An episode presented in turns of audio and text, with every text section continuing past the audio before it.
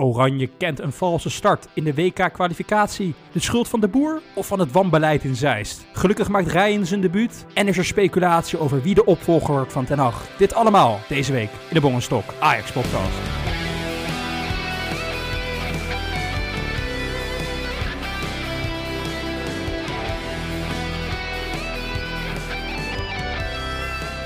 Oeh, dat was wel een, eh, een zwaar oranje weekje, eh, Stok. Ik denk dat wij een, eh, een waarschuwing moeten afgeven aan onze luisteraars... dat dit wel eens een, eh, een klaagpodcast kan worden over oranje, de KNVB.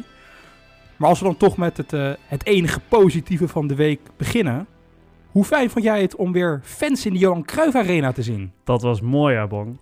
Echt, ik realiseerde me het ook gelijk. Aangezien het niet een seconde duurde voordat dat nepgeluid een reactie gaf op wat er gebeurde. Maar het was gewoon direct. Het was heerlijk om weer fans te zien in de Johan Cruijff Arena. Echt, eh, ja, leuk. Ik hoop dat ze dat vaker blijven doen.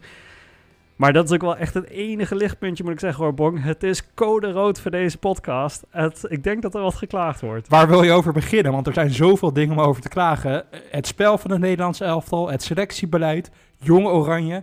Het is, eh, er is te veel om op te noemen. Ja, jij mag zeggen waar we gaan beginnen. Ja, laten we beginnen met de wedstrijd tegen Turkije. Ik, eh, ik heb daar echt met stijgende verbazing naar zitten kijken, Stok. Ik eh, dacht eigenlijk, ik schakel al wat later in en ik kijk op het scorebord en er staat 3-0 Turkije. En ik dacht eventjes, ik lees het verkeerd. Daar zou wel 3-0 Nederland staan, maar 3-0 Turkije. Het was echt een kansloze exercitie. Ja, dat was het ook. En weet je, ehm, Turkije was echt slecht. Zoals we eigenlijk van tevoren al voorspeld hadden, zoals eigenlijk iedereen al wist. Turkije, weet je, het is een goed team. Ze, ze werken hard voor elkaar. Maar als je hier een beetje, als je hier een normaal Ajax op loslaat, dan speel je ze kapot. Dan, dan gaan ze er gewoon met 5-0 aan. En dat zag je ook in die tweede helft, hè, toen we opeens twee keer scoorden in twee minuten. Dan eh, daar zag je ook gewoon hoe wankel dit team was en hoe het uh, op vallen stond. Ja, in Nederland elftal had natuurlijk een beetje pech. Hè? Die eerste goal, ja, die kun je honderd keer schieten. Die gaat er misschien één keer in. Dat is vervelend. Maar ja, Nederland elftal heeft zichzelf, zichzelf al echt in de vingers gesneden. Met Malen voorop. Die mist kansen, creëert een penalty. Man, man, man, wat was die slecht. En over het algemeen, Bong, heb ik me gewoon het meest geïrriteerd aan de instelling, maar ook de opstelling van de boer. Hoe kun je nou aan zo'n wedstrijd beginnen waar je zo dominant bent, zonder een echte spits? Met een nummer 9, een Memphis, die ja, echt te groot voor zijn schoenen is geworden. Die speelt overal, behalve in het centrum. Waarom niet gewoon met buitenspelers die een voorzet kunnen geven op bijvoorbeeld een Luc de Jong of nog beter een Weghorst die er gewoon bij had moeten zijn. Ik heb me echt gestoord aan die opstelling. Tete die opeens verschijnt in de basis. Klaassen die gepasseerd wordt terwijl er bij Ajax een topvorm is. Ongelooflijk. Het was mij ook een... Uh, ja, ik was ook het spoor bijster toen ik die opstelling zag. Want kijk, ik, Memphis vind ik niet zo erg hè, om daarmee te beginnen. Die heeft onder Koeman altijd eigenlijk in die spitsrol gespeeld. En dat heeft hij altijd goed ingevuld. Uitstekend zelfs. Uh, het staat niet voor niets dat hij in de Italiaanse staat van Barcelona en, en andere grote clubs. Ook al is daar natuurlijk wel de, de Ronald Koeman-link. Maar kijk, Memphis dat hij daar speelt, daar, kan ik me in vinden. Maar inderdaad, een Kenny Tate ten opzichte van een Den Denzel Dumfries. Wat heeft Tate nou bewezen, behalve het feit dat hij misschien goed in uh, de groep ligt... of dat hij de boer kent uit zijn Ajax-periode? Ik ben ook geen grootste fan van Denzel Dumfries, maar die is op alle vlakken beter dan Kenny Tate, toch? Ja, 100%. Absoluut. En Dumfries heeft het ook gewoon naar behoren gedaan. Aanvallend een stuk beter tegen, uh, tegen ploegen. Dus wat dat betreft kon je hem prima gebruiken. Nee, ja, Bong, weet je, die opstelling. Ik, kijk, Nederland elftal heeft veel pech gehad die eerste helft. Maar je roept het gewoon over jezelf af als je met zo'n opstelling begint... waar gewoon geen touw aan vast te knopen is. Weet je, de, de totale logica is gewoon weg die onder Ronald de Boer er wel gewoon was. En de Boer blijft ook vasthouden aan dat 4-3-3... Wat gewoon, ja, daar hebben wij toch gewoon de spelers niet voor. Daar ben je toch met mij eens. Wij hebben gewoon wereldtop hebben wij achterin. We hebben backs die ja, veel aanvallend spelen. Waarom niet gewoon in een 5-3-2 spelen, Bon? Ik snap het niet. Nou, daar vind ik wel dat je ver gaat hoor, met een 5-3-2. De, de opstelling, een 4-3-3 of een 4-2-3-1, hoe je dat ook wil noemen.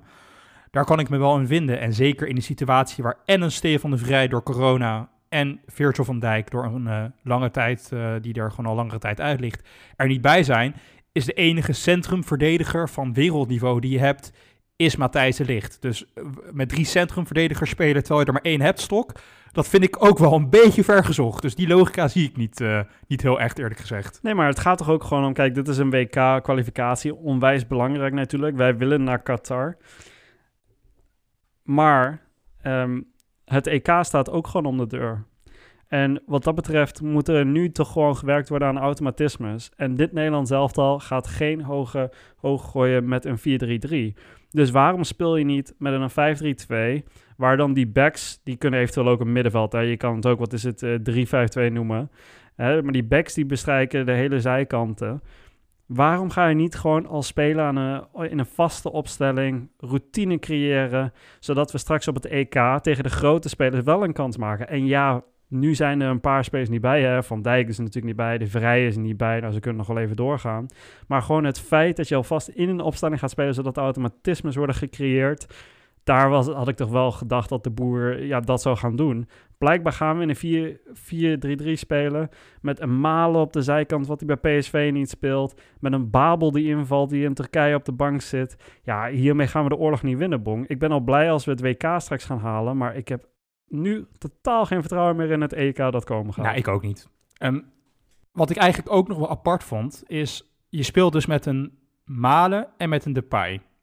En je speelt in een 4-3-3. Kan jij mij uitleggen waarom je Depay niet in een vrije rol op links zou zetten en Malen in de spits? Dat is toch veel natuurlijker voor de jongens? Een Malen is gewoon een pure spits en een Depay die heeft altijd in een vrije rol gespeeld rondom de spits. En dan vaak van de linkerkant. Daar heeft hij toch de neiging om al aan die kant te spelen. Ik begrijp niet dat de boer zulke simpele dingen niet doorvoert. Of hij beantwoordt aan het ego van de paai die gewoon in de spits wil spelen, dat zou kunnen. Maar als je gewoon logisch kijkt waar de kwaliteiten van de spelers liggen... en jij geeft aan, dat kan ook een Jong of inderdaad een Weghorst... die we allebei liever hadden gezien, uh, zijn in de spits.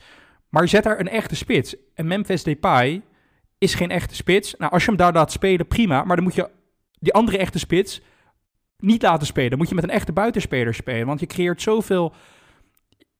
Ja, je creëert juist geen ruimte voor spelers. Je creëert geen ruimte voor je elftal. Want iedereen naar hetzelfde plekje toe loopt. Centraal naar de aanval. Ja, en daar hebben wij gewoon heel eerlijk gezegd, Stok.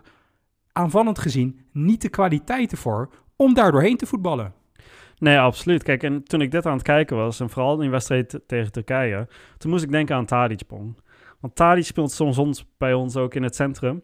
En dat doet hij dus wel fantastisch. Hè? Bal vast, schermt de bal af, laat de ploeg beter voetballen. Maar hij is echt een aanspeelpunt op die nummer 9 positie. Misschien niet een traditionele spits, zoals een Haller soms is. maar, of een Luc de Jong bij Nederland zelf al een Weghorst. Maar hij laat het team wel beter voetballen en is in ieder geval balvast.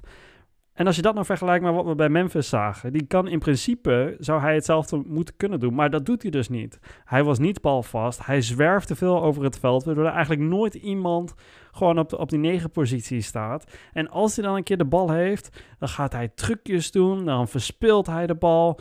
Hij, hij verdwijnt overal en nergens. Ja, dus daar kun je toch niet op voetballen, Bong. En dan hebben we het nog geen eens gehad over de arrogantie eigenlijk met de vrije trappen die hij de hele tijd neemt, waardoor daar eigenlijk nooit een kans uitkomt. Ja, ik vond Memphis, die is voor mij echt diep, diep, diep door het ijs. Ja, dit is één wedstrijd. Hè. Stok, van alle spelers die op het veld staan, en zeker in wat aanvallender opzicht, heeft Memphis bij mij wel veruit het meeste krediet. Kijk, Berghuis ben ik van mening dat hij niet moet spelen. En ik vond het zonde dat hij een goal maakte. Dat vond ik echt heel erg jammer. Uh, en, en Malen, die is ook nu aan de Eredivisie al een jaar niet constant. Memphis is de enige die echt oranje vooruit heeft geholpen, die beslissend is geweest. Dus ja, dat deze jongen in één wedstrijd door de boer, door de tactiek van de boer niet presteert, ja, dat kan ik wel door de vingers zien hoor. Ik denk dat hij, kijk, uiteraard hoort hij in het basiselftal van Nederland elftal, maar ik vind gewoon op die negen positie, is hij, daar is hij niet geschikt voor. Dus je gaat of spelen met twee spitsen, dan kan het wel. In een twee-spits systeem zie ik hem daar wel in, in accelereren. Of hij gaat naar de zijkant toe. En dan moet hij gewoon op links gaan spelen. En dan ga je met een echte spits spelen. Vooral in wedstrijden waarin je zo dominant bent. Waarop je eigenlijk constant op de helft van de tegenstander speelt. Waarom zet je dan niet een Luc de Jong erin en een Klaassen met wat beweging. Om gewoon wat oorlog te voeren in, in een strafschopgebied. Dat is toch veel en veel logischer. En nogmaals, als we nadenken over het EK dat komen gaat.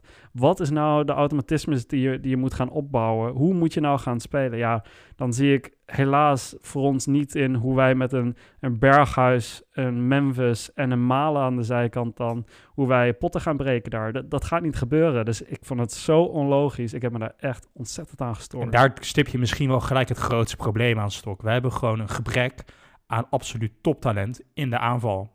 Wij hebben op het middenveld hebben wij geweldige spelers lopen met een Wijnaldum, met een Frenkie de Jong, met een Donny, met een Gravenberg. En ook achterin, als iedereen fit is, hebben wij de, misschien wel van alle landen het beste centrale verdedigingsduo.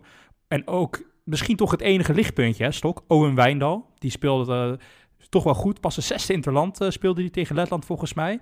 Nou, die jongen springt er echt bij mij wel uit dat hij dit niveau gewoon aan kan. Ik heb hem oprecht op dit moment liever dan Daley Blind op die positie.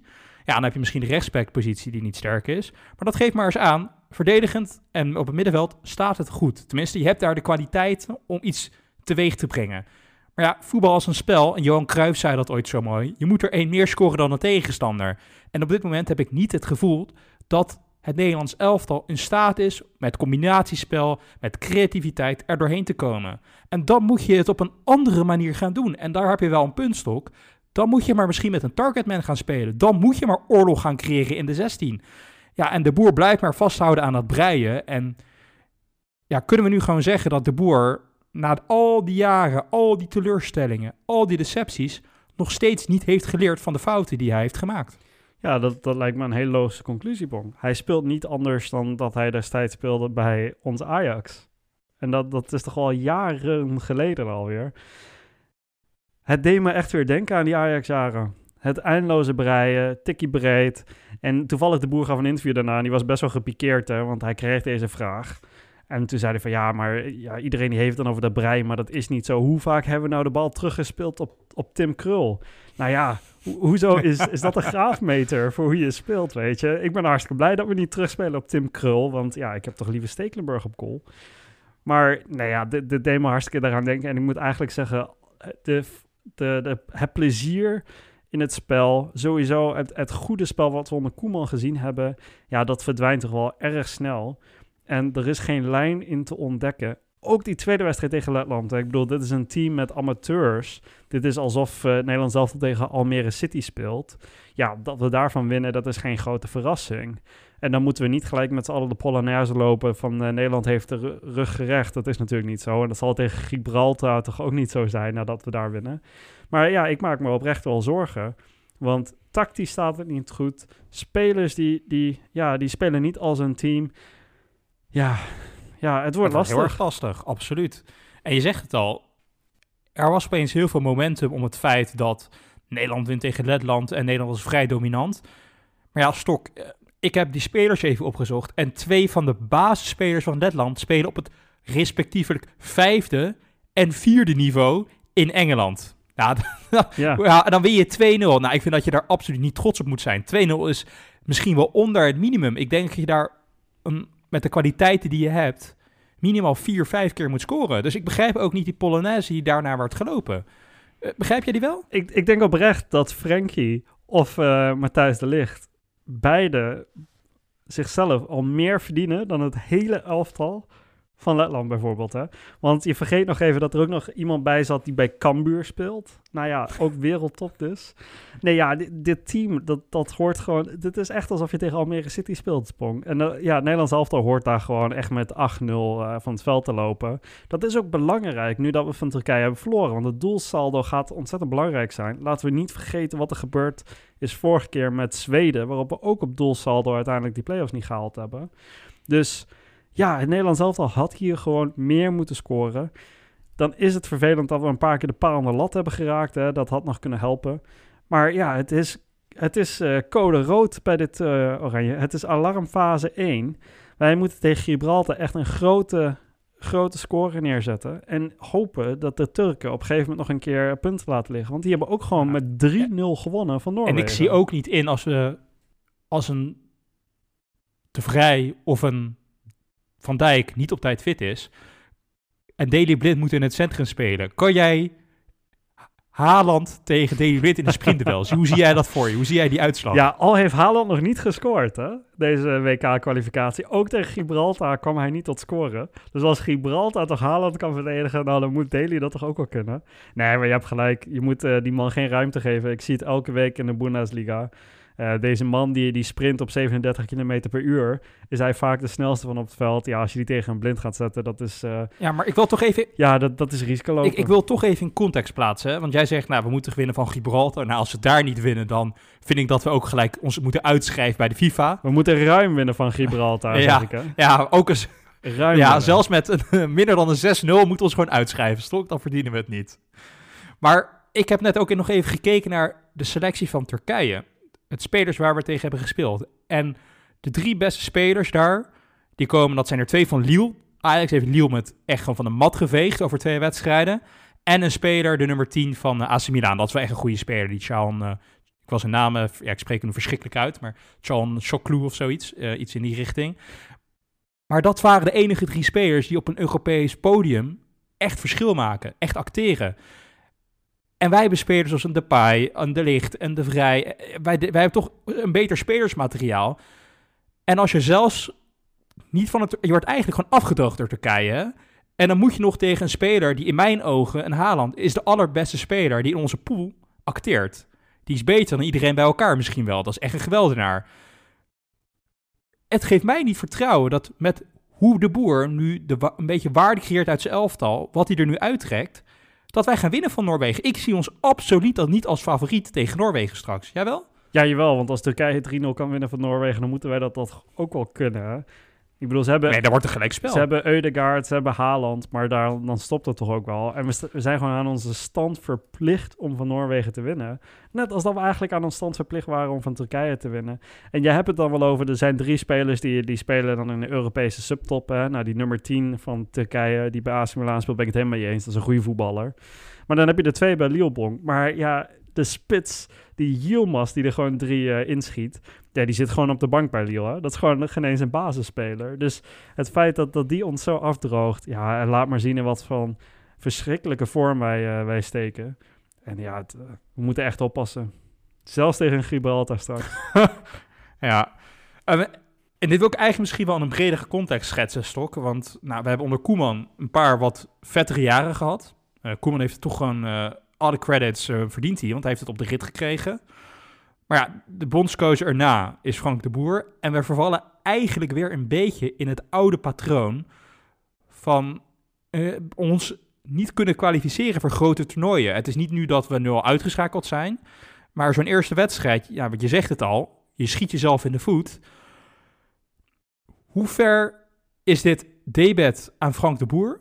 En in hoeverre is dit ook de schuld van de organisatie en het beleid van de KNVB over de jaren? Ja, dat is een uitstekende vraagbong. En ik ga toch, ik neig om ze allebei de, de schuld te geven, maar toch ook vooral wel de organisatie van de KNVB. Ja. Want we gaan het zo meteen ook nog even over Jong Oranje hebben. Maar als je ja, naar beide ploegen kijkt, naar beide bondscoaches, beide het gebrek aan visie, dan kun je toch wel concluderen dat aan de top van de KNVB ja, gewoon wanbeleid gevoerd wordt al jarenlang. Kijk, en dat Koeman een goede bondscoach was, dat wisten wij allemaal al wel. Daarom wilden we ook heel graag dat hij bondscoach werd toen hij bij Feyenoord wegging. Nou, dat heeft ons een WK gekost. Ja, hij kwam nu en hij deed het uitstekend. Maar vervolgens stellen we weer een bondscoach aan. Ja, die, die, die het eigenlijk overal heeft laten zien dat hij, de, of gewoon overal mislukt is, behalve bij Ajax. Dat is een enorm risico. Ja, en dat laat gewoon zien, Bong, dat qua beleid is er echt iets mis. Ja, en daar wil ik toch nog even aan, misschien voor de, iedereen aan, aan toevoegen. Iedereen, je kan natuurlijk het argument zeggen, het maakt niet uit hoe het bij de KNVB aan toe gaat. Als jij de beste spelers hebt, word je gewoon wereldkampioen. En de, tot een zekere mate ben je natuurlijk heel erg afhankelijk van de kwaliteit en de het materiaal in je spelersgroep. Maar als je nu objectief kijkt naar de allerbeste ploegen van de afgelopen paar jaar, de meest succesvolle. Nou, bij Manchester United had je een leider, je had Sir Alex Ferguson. Die ging weg, United down the drain. Nou, hetzelfde geldt bij een, een Bayern München. Heel stabiel in de top. Jarenlang geweldige mensen aan de top. En die ploeg is nu, wat is het, 9, 10 keer achter elkaar kampioen van Duitsland. Hetzelfde geldt voor Frankrijk. Die hebben een hele stabiele, Ja, ik weet dat mensen de Franse voetbalfederatie misschien niet kennen. Maar daar staan gewoon top, oude topvoetballers. Een Platini draagt eraan bij. Die hebben gewoon echt een, een toporganisatie met een jeugdcampus rondom Parijs. Waar gewoon gastjes ook worden opgeleid buiten de club. Ook gewoon om te begrijpen hoe je in het nationale elftal presteert. Hoe je zelf moet voeden. Waar je bijvoorbeeld als je in de academie speelt van een tweede klasse in Frankrijk, weet je dat soort dingen niet. Nou, de KNVB heeft de afgelopen jaren precies het tegenovergestelde gehad. Alleen maar machtswisselingen, slechte aanstellingen, geen topspelers. Kijk nou eens bij Ajax. Een Edwin van der Sar en Mark Overmars. Dat zijn stabiele factoren met overwicht. Die kunnen iets brengen. Iedereen accepteert dat. Wat heb je bij KVB stok, zitten stok? Een Nico-Jan Hoogema. Die heeft ooit gespeeld bij HSV. Toen HSV uh, in het rechte rijtje stond. En Erik Gudde die het bij Feyenoord een financiële wanboel van heeft gemaakt. Dan heb je nog die vent uh, in de Raad van Commissarissen... die ooit de uitspraak in een persconferentie heeft gehad van... wij moeten nu alles zetten op het feit dat we nu elke wedstrijd moeten winnen. dat is ook zo, Jan Doedel. Ja, en er zijn nog wel meer voorbeelden van. Er is gewoon geen structuur, geen leider bij de KNVB... die begrijpt hoe het voetbal werkt en die echt leiderschap heeft, die een punt kan overbrengen, die gewoon zegt, zo gaat het gebeuren en iedereen luistert. En dat vertaalt zich uiteindelijk wel door op het veld. Er is geen stabiliteit. We hebben weer een rare bondscoach. Alles loopt vreemd. Ja, ik vind het niet de schuld van een Frenkie, van een Depay, van een, uh, van een De Ligt. Er zijn gewoon de voorwaarden die je moet hebben om topsport te kunnen bedrijven, zijn er nu gewoon niet bij de KNVB. Als je iemand hebt als een Hans, Hans van Breukelen, die allemaal rare lapswansen met allemaal rare bureaus en PowerPoint-presentaties tijdens persconferenties naar voren komt stok. Ja, dat zegt toch genoeg? Er is gewoon een wanbeleid dat structureel is bij de KNVB en we accepteren dat maar allemaal. Hoe kan dat? Je hebt volkomen gelijk. En je vergeet nog het hele verhaal vorig seizoen, hè, toen de competitie afgelast werd.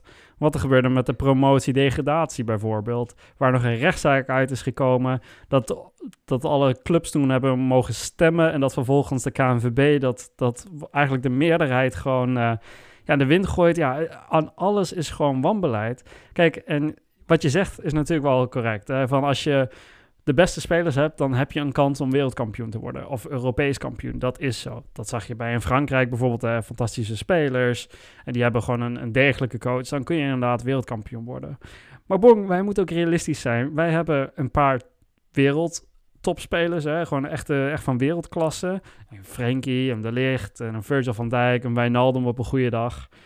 Maar we hebben ook gewoon middelmaat. Een Dumfries bijvoorbeeld die in de basis staat, dat is, dat is middelmaat. En, en, en Berghuis die, ja, nou ja goed, zijn eerste goal in 21 wedstrijden heeft gescoord als een aanvaller. Dat is absoluut de middelmaat. Dus wij hebben niet een team waarop je gewoon op pure kwaliteit een prijs gaat winnen. Dat is niet zo.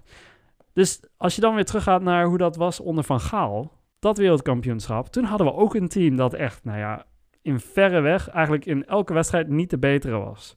Maar dan heb je een coach die het wel tactisch goed neerzet, die een strijdplan maakt, die, die probeert ja, met z'n allen dan qua inzet, qua hoe je je mensen in de dekking uh, volgt, gewoon op alle gebieden toch het spelen van een wedstrijd omhoog maakt en toch wint. Ja, dat doet de boer dus niet. Daar gaat de KNVB gaat daar niet voor. Die zet daar niet een man als Van Gaal neer die gewoon wel beschikbaar was.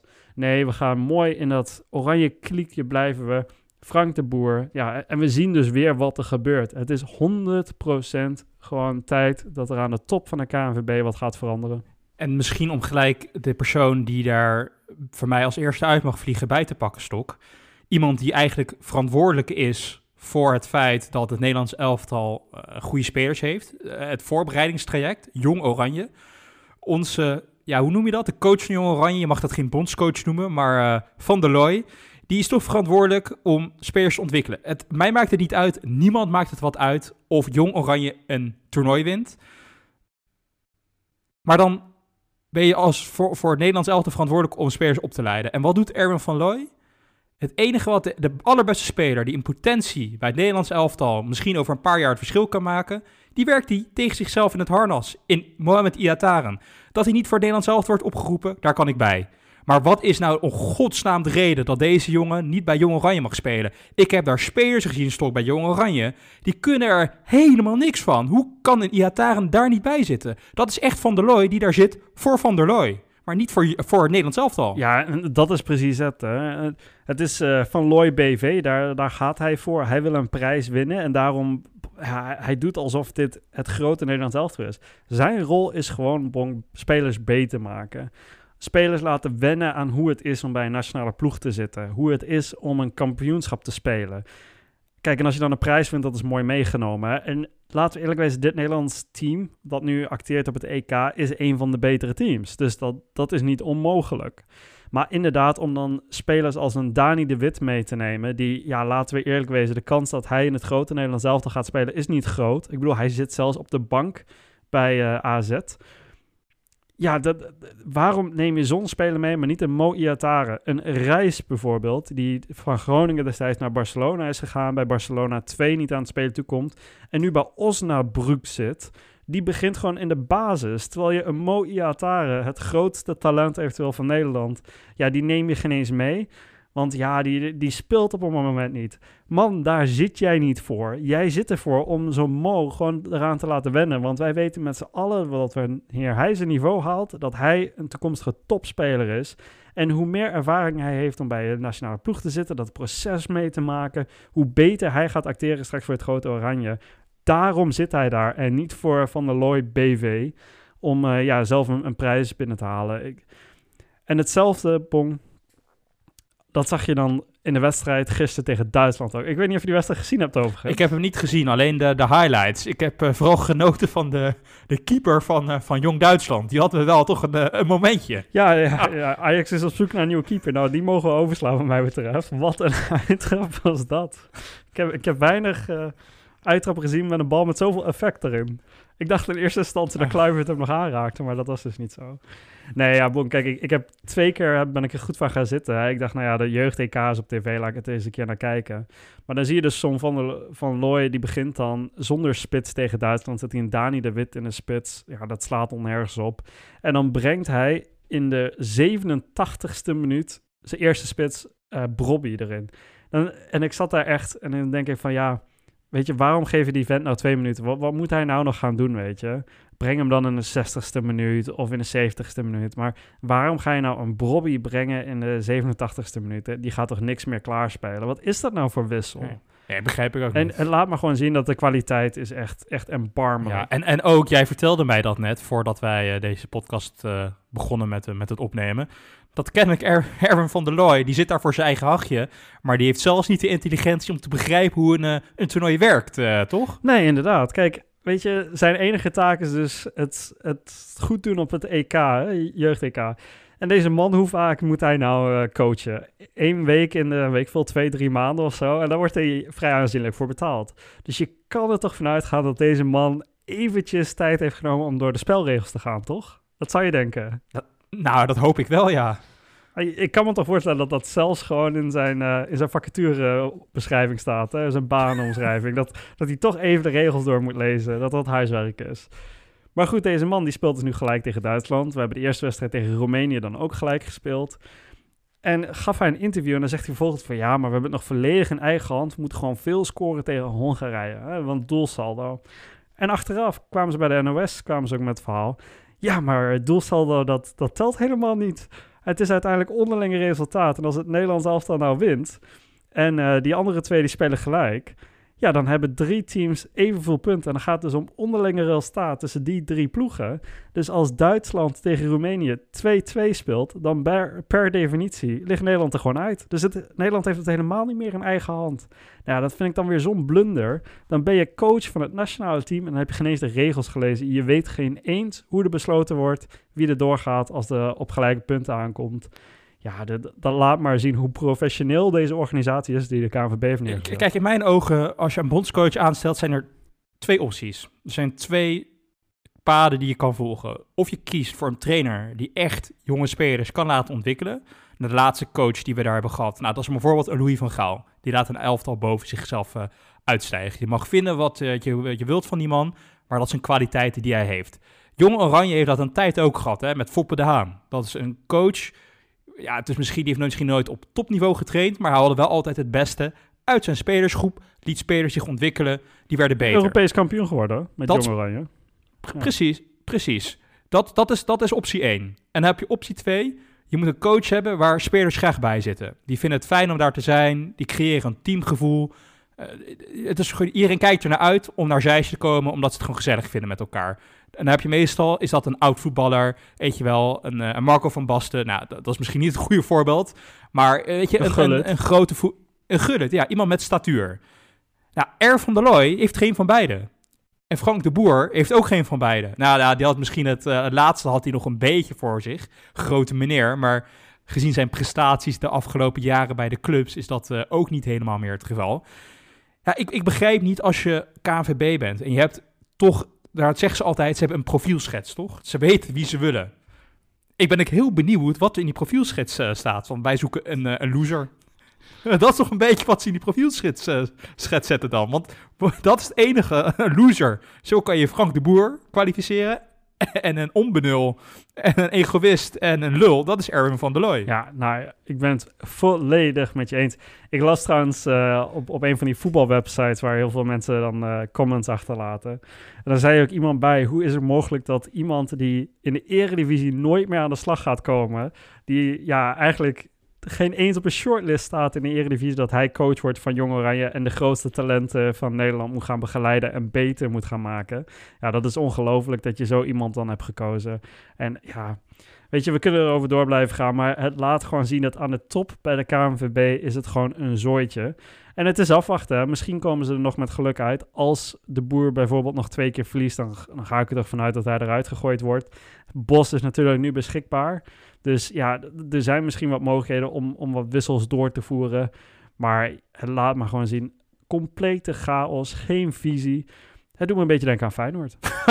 ja, en dan is ook Berghuis de enige die scoort. Dan vond ik dat heel zonde. En dat had mij zo leuk geleken als Berghuis het record had gehad van de meeste interlands zonder goal. Want ik gun die jongen echt niks. Nee, maar kijk, we hoeven niet heel diep te gaan analyseren die wedstrijd tegen Letland of tegen Turkije, want er valt weinig te analyseren. Maar als je toch een buitenspeler bent, Bong, en je staat constant in de 16 en je houdt het spel niet breed tegen een, een team dat alleen maar de bus parkeert ja, dan, wat verwacht je dan, weet je? Deze man die heeft echt niks toegevoegd in die wedstrijd tegen Turkije. Hij maakt nu een prima goal tegen Letland. Nou ja, mag het eens een keer.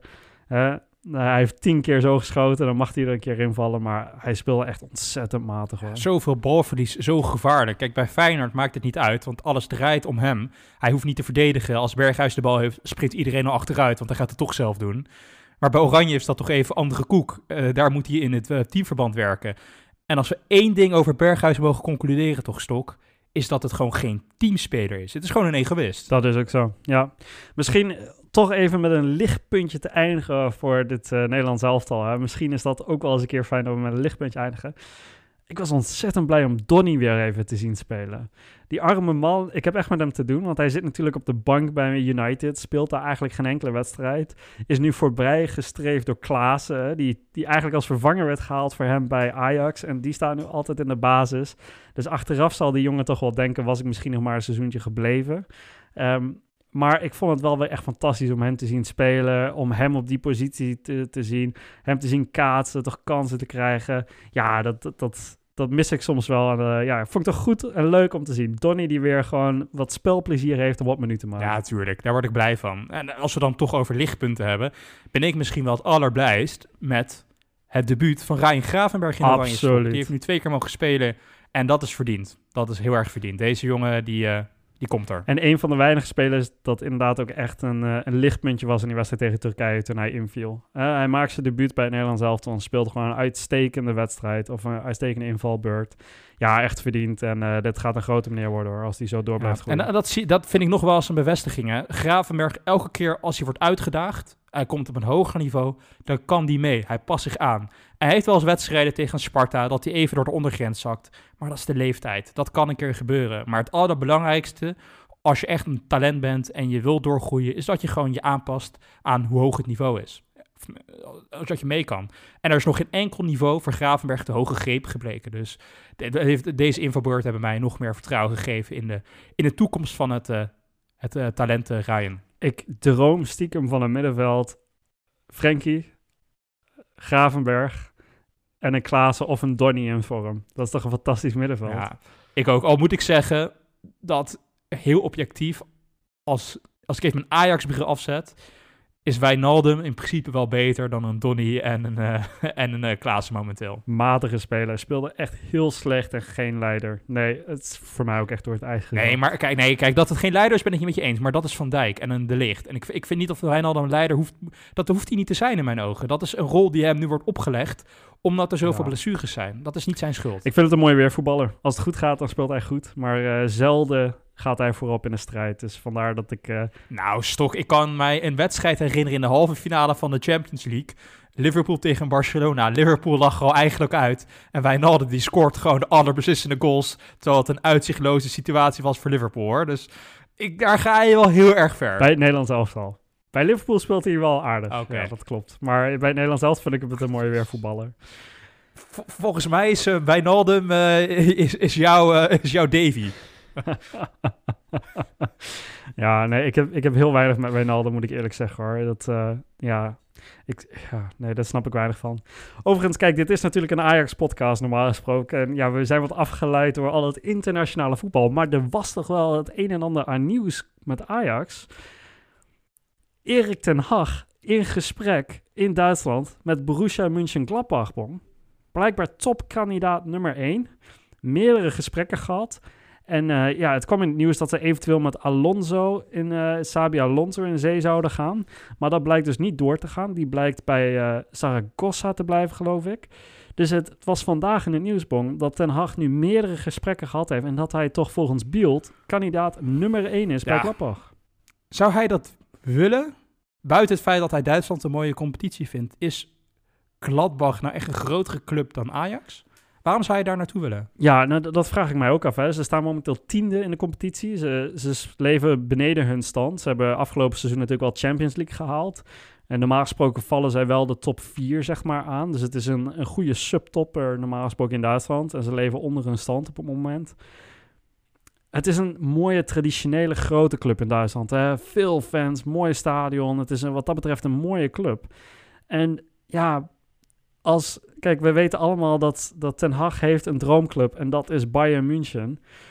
Ja, dan is dit wel een mooi moment om hem in de kijker te, te zetten. Als hij het daar goed kan doen, dan is die stap naar München natuurlijk zo gezet. Dan kan hij het ook laten zien in de Duitse competitie. Dus dat is eventueel wel een reden om dat te doen. Maar ik zou misschien ook nog maar een jaartje Champions League gaan ik spelen. Ik zie niet in hoe het voor hem verdedigen is. Ik ben het met je eens. Hè, dat het is vrij duidelijk dat Ten Hag zijn droomclub is Bayern München. Maar waarom zou hij een tussenstap nodig hebben om daar terecht te kunnen komen? Het is vaak gebleken dat Nederland zeker goede trainers en Ten Hag heeft toch een heel, heel sterk cv. Halve finale Champions League, nou, kwartfinale Europa League nu, kampioen, geweldige spelers opgeleid, onder zich in hoede genomen, die zijn gegroeid onder hem. Waarom zou hij die stap bij Gladbach nou nodig hebben? Ik, ik, vind dat, uh, ik zie dat niet zo. Ik, het enige wat ik voor me zie is dat hij een nieuwe uitdaging wilt. Maar om nou te zeggen, dit is de ideale tussenstap op weg naar een Bayern München.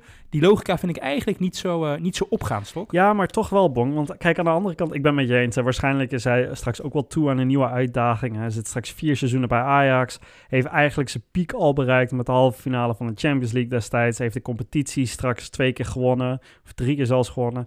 Uh, de beker, die gaat daar waarschijnlijk straks ook mee aan de haal. Nou, wie weet wat er straks gebeurt in de Europa League. als we daar nog een paar rondes verder zouden kunnen komen, dan wordt dat CV nog beter. En normaal gesproken zie je dan dat zo'n coach, die gaat dan naar een ploeg waar hoge verwachtingen zijn. Nou, kijk naar een Bos die naar Dortmund ging. Nou, die moest daar kampioen worden. Dat, dat, we allemaal hoe dat geëindigd is. Niet goed. Maar ja, als je dan nu naar een ploeg gaat, Bong, die onderpresteert. En je gaat er vervolgens naartoe. En zelfs als je gewoon een normale als je het daar normaal doet, dan ga je al beter presteren dan de vorige coach. En stel nu dat je een Ten Hag bent en je maakt ze nog beter ook. Ja, dan, kom je wel heel goed daar uh, in, in een daglicht te staan. Hè? Dan ben jij degene die het omgedraaid hebt. Jij bent degene die er een succesteam van gemaakt hebt. In plaats van dat je het geërfd hebt van een, uh, van een goede ja, andere coach. Ik denk wel dat daar echt potentie in zit om uh, te overachieven. Ja, ik vind dat wij onszelf als Ajax zijn gewoon tekort doen. Er in geen enkel opzicht is Gladbach een grotere club dan Ajax. Echt niet. Het enige is inderdaad dat hij een, nieuwe uitdaging nodig heeft. Kan jij, kan jij mij een speler opnoemen van Gladbach die, bij, die nou echt beter is dan uh, wat bij Ajax rondloopt? Ik ken er geen één. Nee, nee. Nee, waarom zou hij daar dan naartoe gaan? Je gaat met mindere spelers spelen, uh, werken. Ja, je kan je misschien uh, je, leuk in Duitsland. Nou, maar ja, wij, wij kennen Duitsland, die regionen, toch vrij redelijk. Nou, het is nou niet dat uh, waar de omgeving waar Borussia Mönchengladbach uh, vertoeft, dat dat nou ook zijn voordelen heeft. dat is nou ook niet heel erg, heel erg hip en happening. Ja, stok, wat, wat moet hij daar? Ik zie het gewoon niet in. Ik denk dat dat een, een storm in glas water is. Ik ben benieuwd. Wat we dus horen is dat hij wel meerdere keren gesproken heeft. Dus ik denk inderdaad wel dat hij geïnteresseerd is. En uh, ja, we gaan het zien of, of dat inderdaad gaat gebeuren. Ja, en daarmee kwam een geruchtenmolen eigenlijk gelijk op gangen. Want we hadden het vorige week al voorspeld. Peter Bos die verliest kansloos van bijna de nummer laat van Duitsland. Met, met 3 of 4-0 werden ze afgedroogd. En hij werd inderdaad nu ook ontslagen.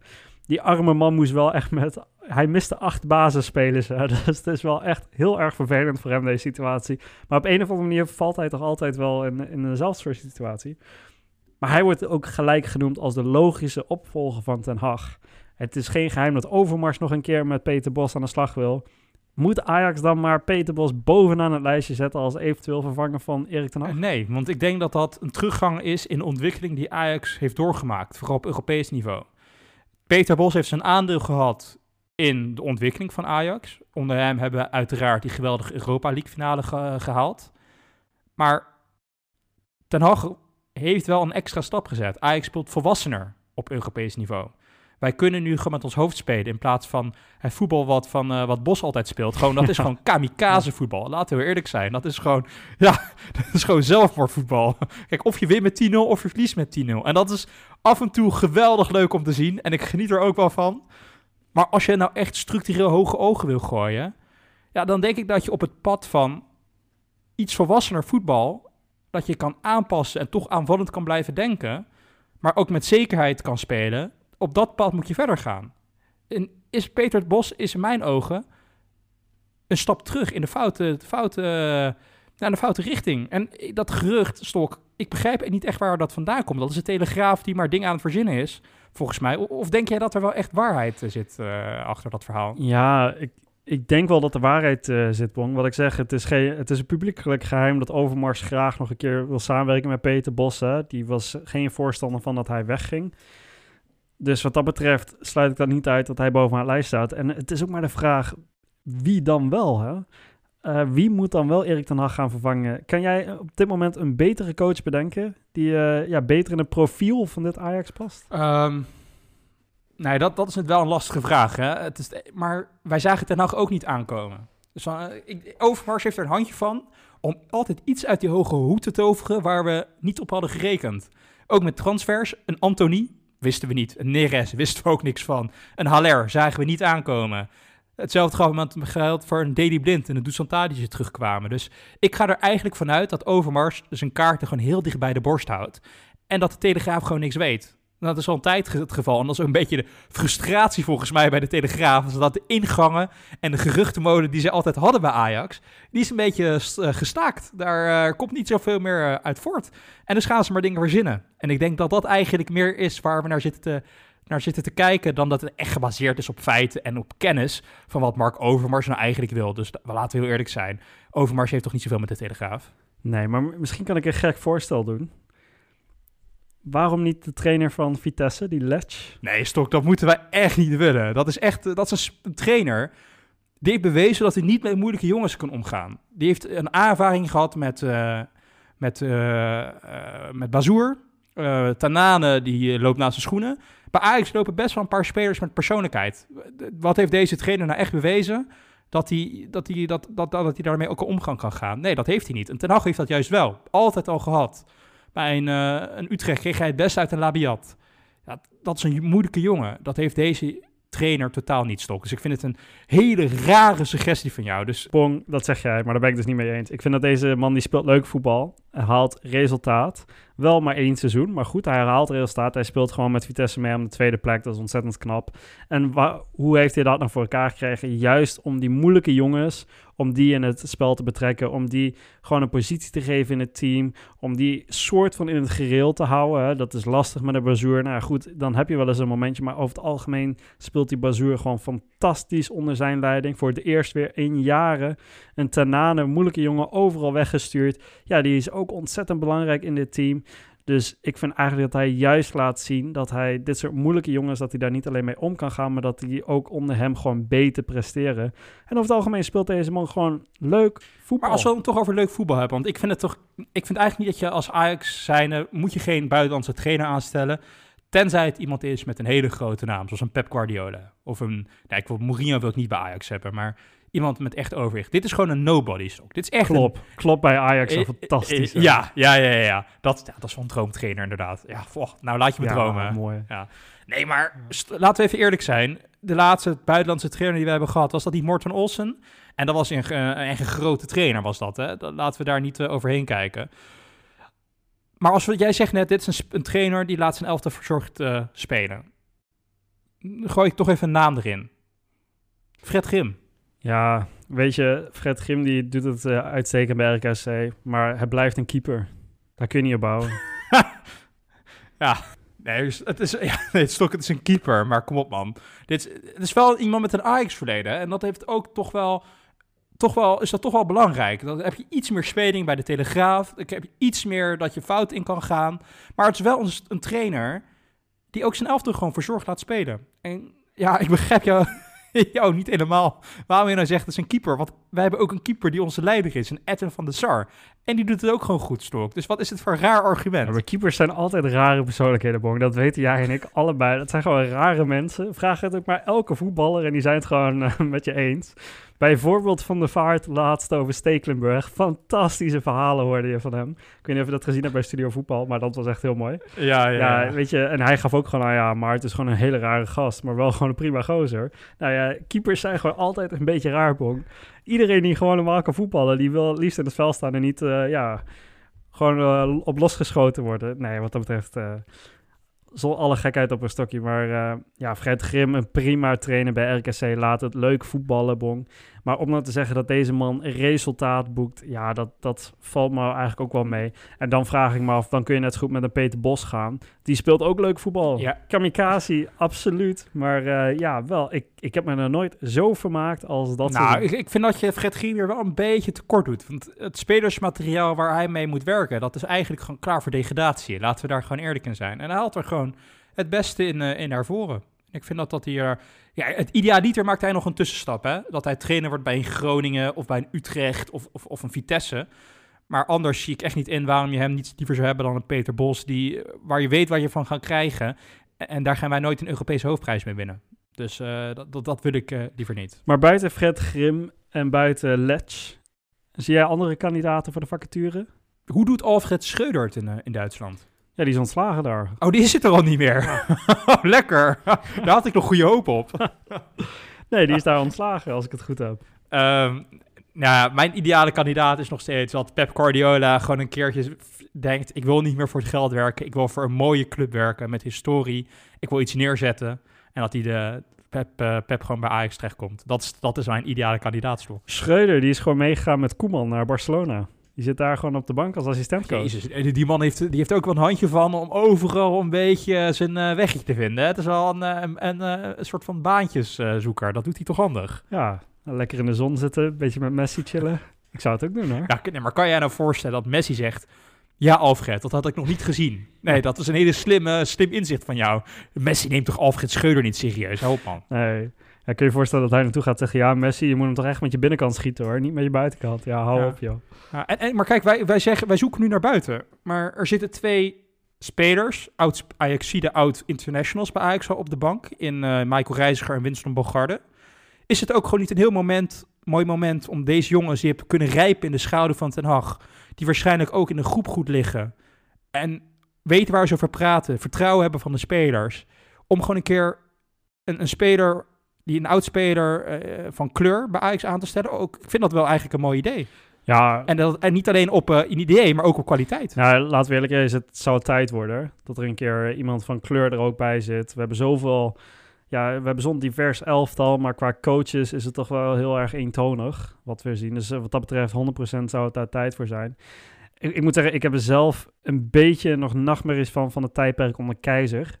En vandaar dat ik misschien iets minder eh, enthousiast word van mensen overhemelen vanuit ja, de, van de assistenten of van de jeugdteams. Maar ja, het is geen, geen slechte gedachtebong. Wat dat betreft zou je wel op dezelfde voet door kunnen als wat er nu onder Ten Hag gebeurt.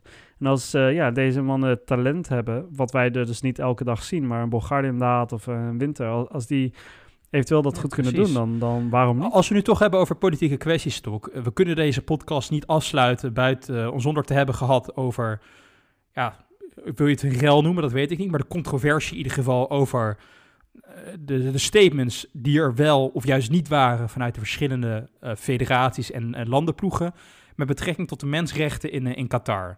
Nou, het Nederlands elftal voor de luisteraars die dit hebben gemist. tijdens de eerste wedstrijd deed het Nederlands elftal daar eigenlijk niks mee. Terwijl Duitsland en Noorwegen een heel sterk statement maakten en zich uitspraken voor het verdedigen van de mensenrechten uh, in Qatar. En zich uitspraken over hoe erg het wel niet was dat er zoveel gastarbeiders zijn overleden tijdens het bouwen van de stadions voor het, wereldkampioenschap in de, in de woestijn. Nou, het Nederlands elftal kwam toch met een statement in de tweede wedstrijd. Maar mochten we dat nou eigenlijk een, een statement we noemen, Stok? Mag het die naam dragen? Laten we vooropstellen dat het goed is dat, uh, dat al die bonden een statement maken. Kijk, uh, we kunnen mosterd naar de maaltijd noemen. Dat is het misschien ook wel een klein beetje. Maar het is goed dat, dat iedereen laat zien dat, ja, dat het, die omstandigheden daar... Ja, dat, dat, dat hoort niet bij de waarden en normen die wij in gedachten hebben. Dus wat dat betreft goed dat ze een statement maken, Bong. Maar ik vond het wel... Ja, het, had voor mij zo niet gehoeven, weet je.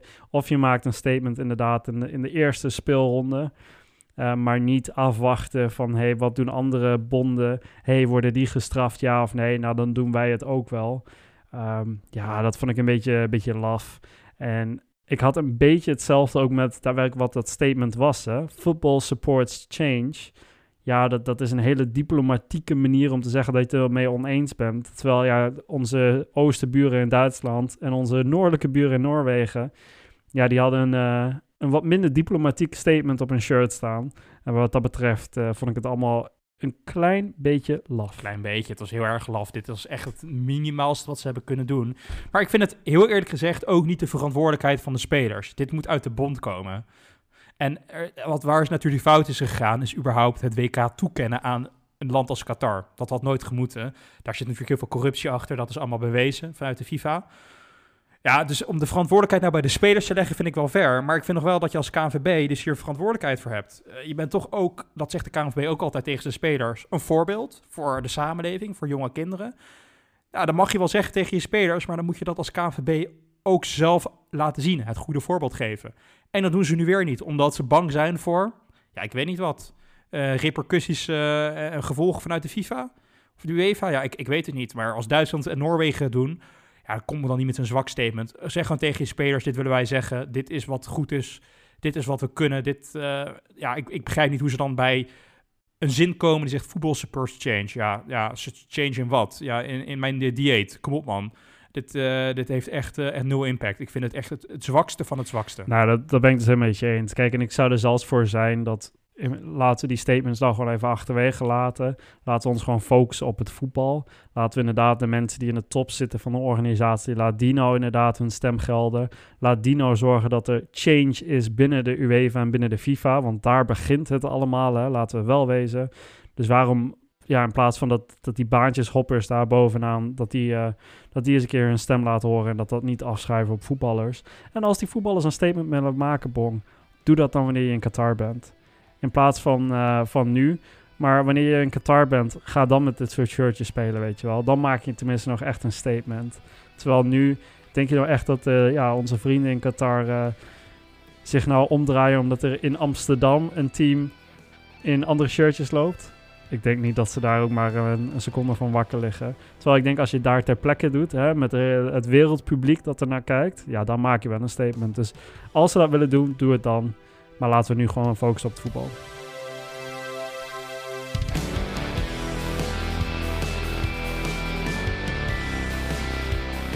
Ja, lieve luisteraars, Oranje van Frank de Boer en het Oranje van Erwin van der Looy kon ons duidelijk niet bekoren. En eigenlijk zitten Bong en ik gewoon te wachten totdat we weer Ajax aan het werk kunnen zien.